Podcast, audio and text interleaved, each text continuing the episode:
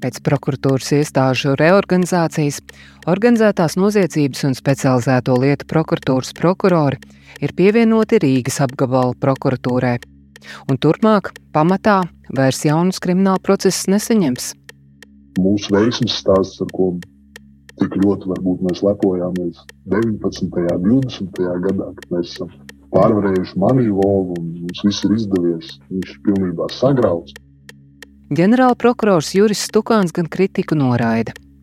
Īpaši svarīgas lietas joprojām šiem prokuroriem tiks dotas, taču vispirms esot jālikvidē vecie lietu uzkrājumi. Savukārt pirmā līmeņa prokuroriem jāspēj uzraudzīt arī lietas par lielu apmēru noziedzīgi iegūt līdzekļu legalizēšanu. Doma tāda, nu ja viņam arī gada ir viena, divas lietas, kur viņam jādomā, tad viņam neatrafēsies e, smadzenes vai smagu un sarežģītu kriminālu procesu uzraudzības nodošana pirmā līmeņa prokuroriem nevainās prokuratūras darba kvalitāti laikā, kad Latvijai jāsāk gatavoties jaunajam monīvalu novērtējumam. To turpmākajā pusstundā pētīšu es, Indra Sprānce. Pirmā daļa - veiksmes stāsts sagrauts Latvija nav iekļauta to valstu pelēkajā sarakstā, kurās finanšu darījuma darba grupa konstatējusi strateģiskus trūkumus. Naudas... Pirms trīs gadiem 2020. gada 21. februārī Latvija par mata tiesu izspruka no tā dēvētā finansiāli neusticamo valstu pelēkā saraksta. Finanšu sektors un valsts augstākās amatpersonas varēja atviegloti uzelpot kapitālais remonts ir izdevies. Un ir pagājis laikam gads un viena diena, kopš mēs iekustinājām kapitālo remontu. Tas norāda uz vienu ļoti skaidru lietu. Tad, kad mēs apņemamies mūsu valstī kaut ko izdarīt un strādājam kopā, šeit mēs, mēs panācām, ka daudz institūcijas, kuras agrāk nesadarbojās, labi sāk sadarboties. Mēs varam sasniegt praktiski jebko. Tā to dienu Latvijas televīzijas raidījumam Panorāma pauda premjerministrs Kariņš. Sprintera cienīgā tempā Latvija bija grozījusi likumus, veikusi pamatīgas apmācības prokuratūras un policijas darbiniekiem un stingrāk pievilkusi finanšu sektoru uzraudzības grožus, lai naudas atmazgāšanā iesaistītos arī Latvijā reāli varētu saukt pie atbildības. Kopš tās priecīgās dienas ir pagājuši trīs gadi, un šajā laikā ir notikušas dažādas izmaiņas tiesību sargājošo iestāžu darbā un finanšu sektorā. Tajā skaitā ir arī tādas, kas raisa jautājumu, vai nenotiek atkāpšanās apņēmībā nopietni cīnīties ar naudas atmazgāšanu Latvijā. Godātie kolēģi, aicinu ieņemt vietas saimnes sēžu zālē. Pērn maijā saimē izgāza konkursā uzvarējušās finanšu izlūkošanas dienesta vadītājs Ilzes Znotiņas pārapstiprināšanu amatam uz otro termiņu lai arī viņas ieguldījums bija milzīgs, lai Latvija gluži kā caur adatas aci izspruktu no finansiāli neusticamo valstu palēkā saraksta. Balsosim par lēmumu projektu par Ilzas notiņas iecelšanu finanšu izlūkošanas dienesta priekšnieka amatā. Lūdzu, balsošanas režīmu. Lūdzu, rezultātu. Par 33, pret 41, atturas 4 Līdz ar to lēmuma projekts ir noraidīts. Kopš tā laika, nu jau vairāk nekā gadu, Finanšu izlūkošanas dienas strādā bez vadītāja, vien ar pienākumu izpildītāju. Šobrīd konkurss turpinās. Taču tas nav viss. No šā gada 1. janvāra būtiskas pārmaiņas notikušas arī prokuratūrā. Tās tieši skar cilvēkus, kas līdz šim ikdienā nodarbojās ar kriminālu vajāšanu, liela apmēra naudas atmazgāšanas lietās.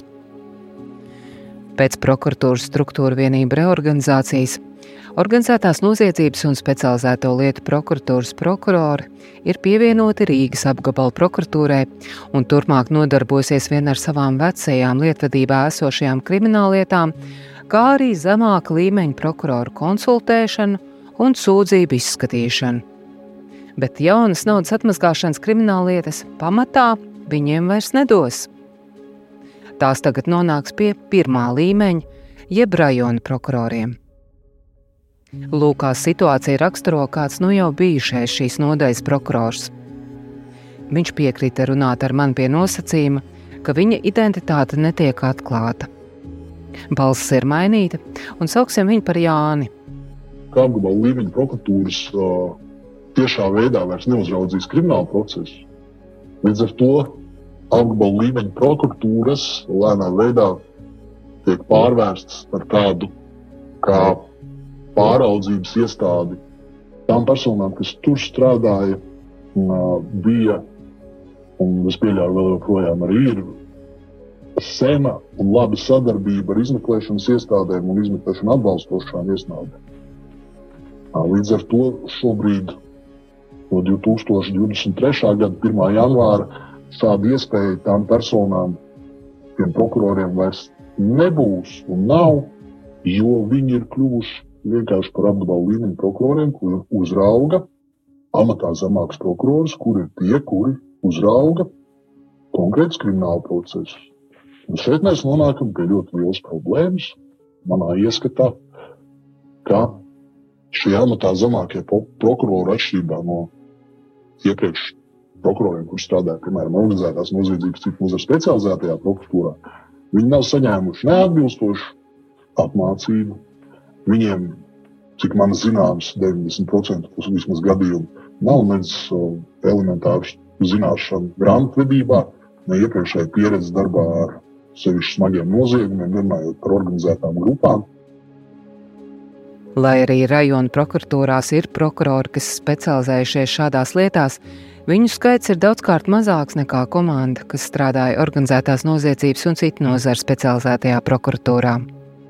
Bet ieviešot šo jauno sistēmu, lielākā problēma ir tā, ka, ja teiksim, sevišķi sarežģītas organizētās noziedzības lietas, liela apmēra legalizācijas lietas, uzraudzīja lielākoties organizētās noziedzības, cik nozara specializētās prokuratūras prokurori, kuri bija no nu, gandrīz 30.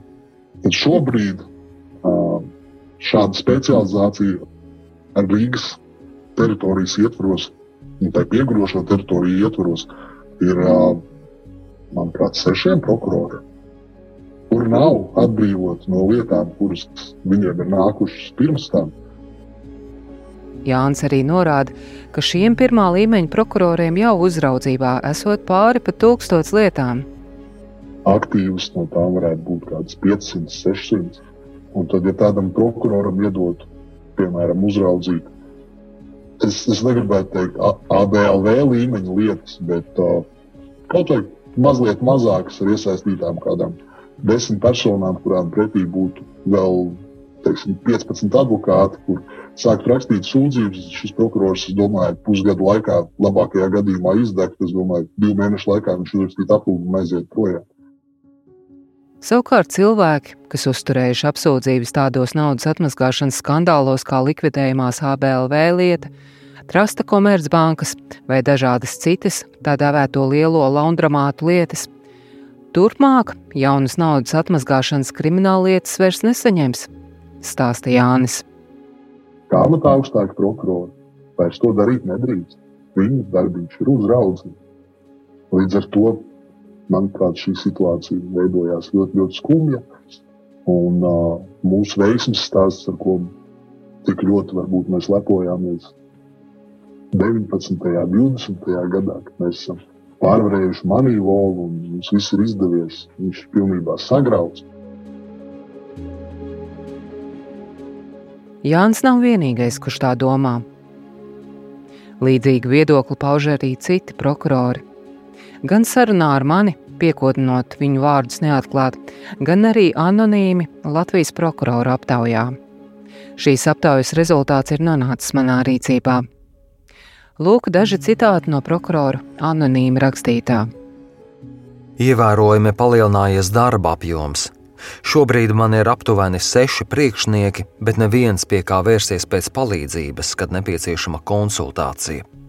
Tiek gaidīti rezultāti, taču ar darba apjoma pieaugumu esmu uz izdegšanas robežas. Tiek izvirzītas jaunas prasības un mehānismi, taču netiek nodrošināta aktuāla informācija, kā to īstenot. Nav saprotama amatā augstāka prokurora loma krimināla procesā. Tāpat nav saprotams, kādēļ prokurori ar lielāku pieredzi un zināšanām faktiski izskatīs sūdzības. Manuprāt, tas ir ievērojams resursu zaudējums valsts apsūdzības uzturētājiem. Ievērojami mainījies darba apjoms, nav bijušas atbilstošas apmācības, ņemot vērā specifiskos noziegumus, kas jāizmeklē pēc restruktūrizācijas. Esmu rajona prokuratūras prokurors. Pēdējo divu gadu laikā ir veikts vairākas reformas, kas pasliktinājušas darba vidi. Pirmais - visas lietas izskata rajonu līmeņa prokurori. Līdz ar to smagām un sarežģītām lietām nav iespējams veltīt tām nepieciešamo uzmanību. Otrais - struktūrālās reformas, apvienojot rajonus, teorētiski deva iespēju izlīdzināt slodzi, bet praktiski tas tā nenotika. Prokurori ir uz izdegšanas robežas, kadru trūkums. Visa gada griezumā strādā mīnus četri prokurori, Prasības ir lielākas, no pirmās minūtes iesaistīties lietu uzraudzībā, bet fiziski to nevar izdarīt, jo lietu ir daudz. Ne visi amatā augstākie prokurori ir uzdevuma augstumos, nepilda iecerēto amatā augstākā prokurora mērķi un pienākumus. Šobrīd viss ir uzkrauts uz rajona līmeņa prokurora pleciem. Šī mūžīgā aizbildināšanās, ka viņiem ir uz rokām savas vecās smagās lietas, ir jāpabeidz. Cik ilgi? Tā pašā laikā rajona līmeņa prokurors velk savas un vēl nu jau smagās lietas apgabala līmenī. Otra daļa - lai smadzenes neatrofētos. Labdien! Labdien! Ar ģenerālu prokuroru Juris Tukānu sazinos attālināti. Intervija par šīm pārmaiņām izvēršas gara. Turpinājumā mazi skaidrojumi no viņa teiktā. Kāpēc mēs veicam šo savienošanu? Tāpēc, ka šajā organizētajā prokuratūrā līdz šodienai viņi nav pabeiguši izmeklēt 2010. 2090. gadu lietas. Viņam vairāk kā 60 vai 70 vecas lietas, kuriem viņi nevarēja nu, tikt galā, tāpēc, ka tajā laikā bija milzīga slodze. Tāpēc viens no aspektiem, par ko mēs bijām visi vienojušies, ka jāpārtrauc jaunas lietas saņemšanu. Kāpēc? Tāpēc, ka jaunas lietas vismaz pēdējā gada laikā viņu vispār nav. Tur ir, nu, varētu teikt, krimināli pārkāpumi. Nu, teiksim, divi zagļi kaut ko nosaka un kādam pārdot rekursu legalizāciju. Stukāns uzskata, ka apgabala prokuroriem ar šādām, viņa prāta sīkām lietām nebūtu jānodarbojas, bet lielās apjomīgās lietas tāpat arī turpmāk nonākšot pie viņiem. Ja mums šodien parādās nopietnāka, sarežģītāka lieta, tad viņa nenonāk pirmajā rajona, pirmajā līmenī. Mēs uzreiz viņu nododam apgabala līmeņā tiem pašiem organizētas bijušajiem, kuri tagad saucas Rīgas apgabala, tiem prokuroriem.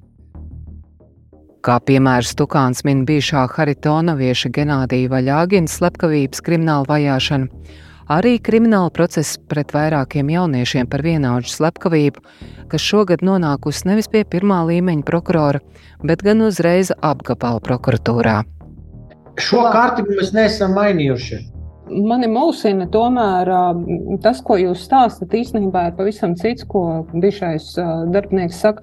Un tāpat es arī lasīju, man atsūtīja to prokuroru aptaujas viedokli. Tur arī raksta rajona prokurors un arī citi ja, anonīmi, ka faktiski šīs lietas nonāk pirmajā līmenī Un kā apgabals ir tikai šo uzraugošo funkciju, kas arī viņiem nav skaidra, ko tas vispār nozīmē. Ja?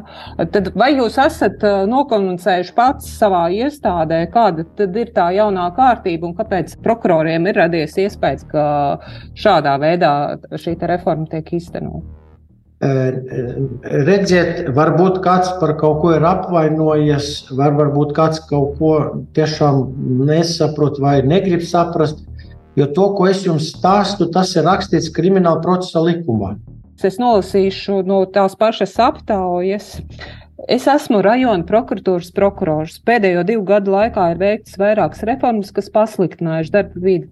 Punkts viens. Visas lietas izskata rajona līmeņa prokurori, Līdz ar to smagām un sarežģītām lietām nav iespējams veltīt tām nepieciešamo uzmanību. Un tas ir tas būtiskais jautājums. Es jums atbildēšu ļoti vienkārši. Ja mēs paņemsim 22. gadu un paņemsim 20. gadu, prokuratūras saņemto lietu skaits ir samazinājies gandrīz uz pusi. Un tad man jautājums šim prokuroram, ko viņš vispār dara? Jo viņš agrāk darīja divreiz vairāk. Kā tad šodien viņam var būt vairāk? Nav to lietu. Tomēr ģenerāla prokurora paša gadskārtējais ziņojums par prokuratūras darbu nesaskan ar to, ko Stukāns saka manā intervijā. Saskaņā ar ziņojumā pieejamo informāciju 2020. gadā prokurori uzraudzībā pieņēmuši 36,756 kriminālu procesus, bet 2022. gadā 31,941 kriminālu procesu. Tātad samazinājums ir, bet tas ir par 13%, nevis gandrīz uz pusi, kā to saka Stukāns cilvēki tomēr raksta par šo problēmu, tad viņi melo vai kas ir, kā jūs to redzat, viņi ir sliņķi? Es domāju, visātrāk, ka viņi ir slinki, ka viņi negrib nu, tiešām strādāt ar sarežģītām lietām, bet grib tikai pēc nu, veidlapas aizpildā un miers. Jo skaidrs, ka smagas, nu, tādas sevišķi smagas lietas agrāk nonāca apgabala līmeņa. Pirmā vispār nebija. Tur bija tikai sīkas zādzības un dzērēju šoferi. Viņu viņi pat vienas stundas laikā atstrādā un visa diena ir brīva. Šobrīd, loģiski, ja viņam iedod kaut vai slepkavību, nu viņam sāk, kas saka, kasīt galvu, un viņam jāņem grāmatā, ko viņam ir mācījuši e, augstskolā, kā izmeklēt slepkavību. Doma tāda, nu ja viņam arī gada ir viena, divas lietas, kur viņam jādomā, tad viņam neatrafēsies e, smadzenes, ka viņš paliks domāšs. Vai tas e, nepasliktinās prokuroru darba kvalitāti, ja cilvēki mūžu, e, kas nav nodarbojušies ar šīm smagajām lietām, Paga, e, tagad sāk skasīt galvu un domāt, kas man tagad būtu jādara? Es pateikšu, ja cilvēks nespēj izmeklēt lietu, mēs viņam piedāvāsim brīvprātīgi aiziet prom. Jo viņš saņem augstu atalgojumu. Ģenerāla prokurors uzskata, ka prokurora aptaujā rakstītie manis citētie ieraksti par šiem sarežģījumiem, ko raisījušas nesenās pārmaiņas, neatspoguļojot realitāti. Uzskatu, ka tas neatbilst patiesībai, tas ir vienkārši emocijas un mēģinājums nu, pretdarboties tādā veidā, kā Kāpēc mums būtu kaut kas jāmainās un jādara vairāk, ja mēs varētu darīt tā, kā mēs visu laiku esam darījuši, neskatoties uz to, ka mums divreiz mazāk ienākošu lietu? Tā kā pēc intervijas esmu noskaidrojis, ka prokuratūrā ienākošo kriminālu lietu skaits nav tomēr divreiz samazinājies, kā to saka Stukāns, atkārtot vēršos pie ģenerāla prokurora nosūta viņam gan pašas prokuratūras informāciju no gada pārskata par ienākošajām lietām, no kā izriet tikai 13% samazinājums, gan arī lūdzu viņu atsūtīt datus, kas apliecina viņa sacīto par ienākošo kriminālu lietu tik dramatisku samazinājumu. Atbildēja ģenerāla prokurors atrakstīja, ka esot kļūdījies, sajaucis ar citiem datiem par prokurora darba efektivitāti. Taču ģenerāla prokurors esot gatavs atkārtoti runāt ar prokuroriem un kliedēt visas viņu neskaidrības. Nu, uh, varu jums, kas saka, šobrīd pateikt, ka pabeidzot ar jums sarunu, uzdošu savam palīdzēji, izziņot datumu, un visiem prokuroriem būs aizskrits un piedāvāts. Un runāšu par to, par ko mēs runājam šodien, jo man ir tā aptaujā, es tur arī esmu izkopējis, bet nepaspēju. Nu, tādas kritiskas piezīmes, kuras mēģināšu atbildēt. Kamēr tiek plānota jaunā sapulce, lūdzu paust viedokli par pārmaiņām arī Rīgas austrumu prokuratūras virsprokurorei Anitai Urbacānei. Neraugoties uz tām sākotnējām bažām, eh, prokurori tiek ar to galā. Tā stāsta Urbacāna. Viņa norāda, ka pēdējos gados prokuroriem nākušas klāt liela apmēra noziedzīgi iegūt līdzekļu legalizācijas lietas, sarežģītas slepkavības un dzimumu noziegumu pret nepilngadīgajiem, Bet kopumā prokurori darbu varot paveikt, jo esot iespējas mācīties, un arī augstākā amatā esošie prokurori ļoti palīdzot. Pārmaiņas esot nostrādājušas, un daži prokurori pat esot priecīgi, ka tagad saņem arī nopietnākas lietas nekā zādzības no veikala. Vidēji Rīgas austrumu prokuratūras prokuroriem uz rokas uzraudzībā katram ir ap 500 krimināla procesiem. No tiem aptuveni 100 lietas varētu raksturot kā aktīvas. Kā tas ir iespējams, ja ir teiksim, simts nu, aktīvas lietas, kur patiešām būtu darāmais, tad vēl paņemt klāt slepkavību vai noziedzīgi iegūt līdzekļu legalizāciju, nu, vai tas tiešām ir paceļami?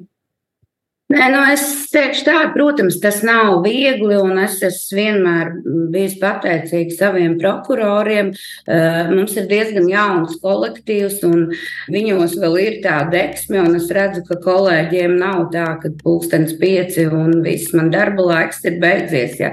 Tie ir arī, diemžēl, jā, darbs vakaros, darbs brīvdienās, bet, nu, laikam tas eh, gandarījums par to paveikto ir tas, kas neļauj no nolaist rokas. Trešā daļa - būs jāpacīnās.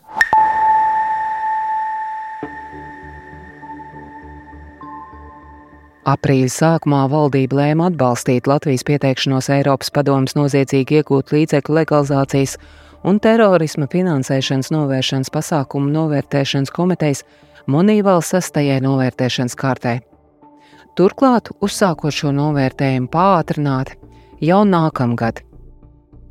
Tas nozīmē jaunas ugunskristības tiesu un tiesību sargājošo iestāžu darbām. Un par izaicinājumiem šajā procesā es uz interviju aicināju bijušo finanšu izlūkošanas dienestu vadītāju Ilzi Znotiņu, kuras vadībā Latvija pirms pāris gadiem izspruka no finanšu neusticamo valstu saraksta. Čau, tagad tu dzirdi mani? Tagad dzirdu. Čau. Es esmu ceļā, jo man mazliet mainījās plāni, bet es negribēju tevi atcelt, lai mēs vienkārši varam izrunāt. Znotiņš šobrīd sadarbībā ar Startautisko valūtas fondu un Eiropas komisiju palīdz dažādu valstu centrālajām bankām un valstu vietējiem finanšu izlūkošanas dienestiem. Pēc iepriekšējās saimas lēmuma izgāzt viņas kandidatūru apstiprināšanai uz otro termiņu, Znotiņa atkārtotā konkursā Latvijas finanšu izlūkošanas dienesta vadītāja amatam nolēma nepretendēt. Es jūtu, ka kaut kāda tāda, ja, ja būtu tiešām tāda ļoti liela vajadzība un vēlme, tad droši vien, ka es būtu tur mēģināt tur mani pierunāt vai kā, lai es eju un turpinu darīt. Nekas no tā nebija pa šo laiku, kamēr mēs gaidījām to konkursu izsludināto. Līdz ar to es secināju, ka jā, ka tā lielā vēlme tur nekāda nav, tur vilkme darīt tās lietas, turpināt tādā tempā. Vaicāta, kādā punktā viņas prāt Latvija šobrīd atrodas, Znotiņa atbild, ka līdz 2019. gadam ļoti daudz spēku tika ieguldīta risku mazināšanā un prevencijā, bet tagad jaunajā novērtēšanā būs jāpierāda efektivitāte tieši apkarošanā. Jo ir skaidrs, ka risks ir samazinājies, Bet uh, tagad lūdzu demonstrējam to efektivitāti gan attiecībā uz feed spēju identificēt aizdomīgus darījumus uh, un nosūtīt materiālus policijai, gan pēc tam, protams, izmeklēšanā. Nu, gala rezultātā nu, jau būs arī jārāda, kas tad ir tie spriedumi, ko mēs, piemēram, demonstrējām kā savu veiksmes stāstu vai nu tur 18. gadā, kad mums bija pirmais tas manī vēl vērtējums, kur mēs teicām, nu, mums, piemēram, ir bija lietā ierosināts process. Es atceros, mēs sprūda procesu rādījām kā tādu, kur arī ir noziedzīgi līdzekļi un kur ir banku sistēma, tur bija trasta, komercbanka jā, un tam līdzīgi. Nu, respektīvi, tas viss, ko mēs rādījām 18. un 19. gadā, kā kaut ko kā labu piemēru uzsāktai, efektīvākai apkarošanai, šobrīd būs jāparāda rezultāts. Znotiņas pieminētā maksātnespējas administratora Māra Sprūda krimināla procesa iztiesāšana gan joprojām nav pabeigta pat pirmajā tiesas instancē.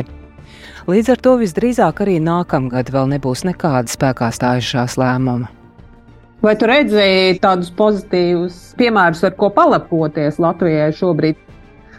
Es redzu, ka ir tāda fakta, tā metodoloģija paredz, ka tev ir gan jārāda izmeklēšana un notiesāšana, gan konfiskācija noziedzīgu līdzekļu. Tie ir divi dažādi parametri. Un par attiecībā uz konfiskāciju mums noteikti būs ļoti labi. Nu, tas ir noticis pateicoties, jāsaka, ABLV procesam galvenokārt, arī PNB banka. Mazāk varbūt citas, bet principā nu, tur ir izveidota arī ļoti stipra šī krimināla procesa likuma 59. nodaļas piemērošana. Pieminētā likuma nodaļa paredz iespēju izdalīt no krimināllietas materiālus un uzsākt procesu par noziedzīgi iegūtu mantu. Saskaņā ar tiesu administrācijas man sniegto apkopojumu, kopš 2018. gada Latvijas tiesās izskatīts kopumā 850 šādas lietas, un lielā pārsvarā pieņemt lēmumu par mānas atzīšanu par noziedzīgi iegūtu. Kopš 2020. gada šādi ar tiesas lēmumiem par labu valstī konfiscēta manta kopumā 134 miljonu eiro vērtībā. Man liekas, visos līmeņos cilvēki labi saprot, ko darīt ar šo konfiskāciju. Kas attiecas uz šo izmeklēšanu, notiesāšanu, to otru parametru, kas ir zem uh, efektivitātes rādītāja numur 7, tur būs jāpacīnās, lai parādītu labu rezultātu. Znotiņas ieskatā šobrīd Latvijai risks ir nevis ārvalstu naudas plūsmas tranzītā, bet vietējā noziedzība. Korupcija, nodokļi, dažādi veidi krāpšanas un citi mantiskie noziegumi. Un, ja reiz mēs to esam deklarējuši 19. gadā, tad būtu tikai godīgi no novērtētājiem 23., 24., 25. gadā prasīt, kur ir lietas par šo jautājumu. Kur ir tie procesi par korupciju, tie veiksmīgie, kur ir tie procesi ar, kopā ar noziedzīgu līdzekļu legalizāciju, ja nevis tikai tīri korupcijas procesi. Uh, kur ir tie procesi, kur jūs esat konfiscējuši un notiesājuši personas par nilu un nodokļiem? Un man ir bažas, ka tur mēs nevarēsim nodemonstrēt tik labu rezultātu, lai varētu teikt, jā, nu, tas ir tā efektīva sistēma. Tomēr kopumā Latvijā pēdējo gadu laikā noticis daudz pozitīva, ko pareizi pasniedzot, nebūtu jāreizējas par sliktu starptautisko organizāciju novērtējumu. Arī tiesību sargājošo iestāžu spējas strādāt ar šiem noziegumiem nesot mazinājušās, lai arī atslēgas cilvēki, kas ar to gadiem strādājuši prokuratūrā un policijā un arī citviet, ir nomainījušies. Bet vai nav tā, ka tomēr ir mainījusies tā politiskā griba attiecībā uz to, cik stingri vai skrupulozi pieķeramies šāda veida noziegumu nepieļaušanai Latvijā? Es domāju, ka ir. Uh, tur gan es tev varu piekrist simtprocentīgi. Jo um, ir diezgan skaidrs, ka šī tēma, noziedzīga līdzekļa, vienalga vai mēs runājam par prevenciju vai apkarošanu, viņa ir vispār saknē pretēji biznesa un izaugsmas idejai. Es redzu, ka kopumā politiskajā vidē arī šobrīd, nu, kad mēs tos prezidenta kandidātus debatas skatāmies, ir tas, tā, tā izšķiršanās, kur tās saimnieciskās intereses, man liekas, šobrīd stipri atkal kļūst par aktuālākām. Un varbūt ka labi, jo nenoliedzami, ka būt ļoti tiesiski kārtīgiem, skaistiem un pareiziem. Tā ir forša apziņa, bet mēs konkrēti ekonomiski krītam lejā. Kas mani biedē, tas saimnieciskums, tas tāds mantrausīgums, vai vienalga, kā mēs viņu nosaucam, nu, viņš jau ir tik ļoti skaļš tagad kļuvis, ka mēs ilgtermiņā mēs varam nonākt atpakaļ turpat, kur mēs bijām. Raidījumu veidoja Indra Sprānce, Rēnis Budze un Ģedards Jelzis. Atvērtie faili!